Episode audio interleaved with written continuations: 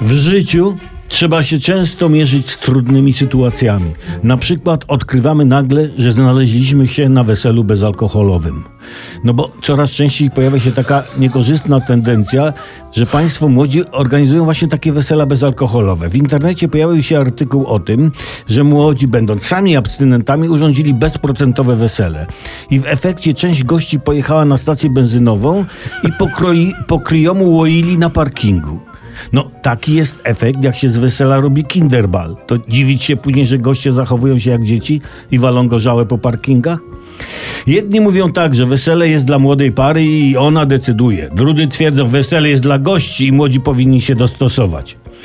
No ale jak jesteś już zaproszony na wesele bez alkoholu, to w sumie nie ma tragedii, nie? No, jak postępować? Dajesz pustą kopertę, a za, za, za pieniądze kupujesz alkoholu.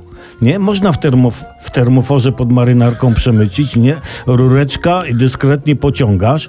Albo jak nie wiesz, co to jest termofor, może tak być, no to flaszka piersiówka lub tam małpeczki po kieszeniach i ubikacja libacja, nie?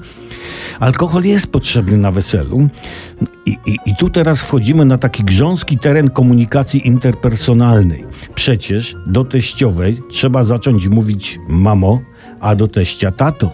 A to trudne i bolesne. Dla teściów, dla teściów, dlatego muszą się napić. W sumie niech każdy robi jak chce, ale wesele bez alkoholu może być niebezpieczne. Mam kolegę, który urządził wesele bez wódki i już jest rozwiedziony. A na weselu innego kolegi była wódka i jego małżeństwo chwalebnie trwa. Przypadek? Nie sądzę.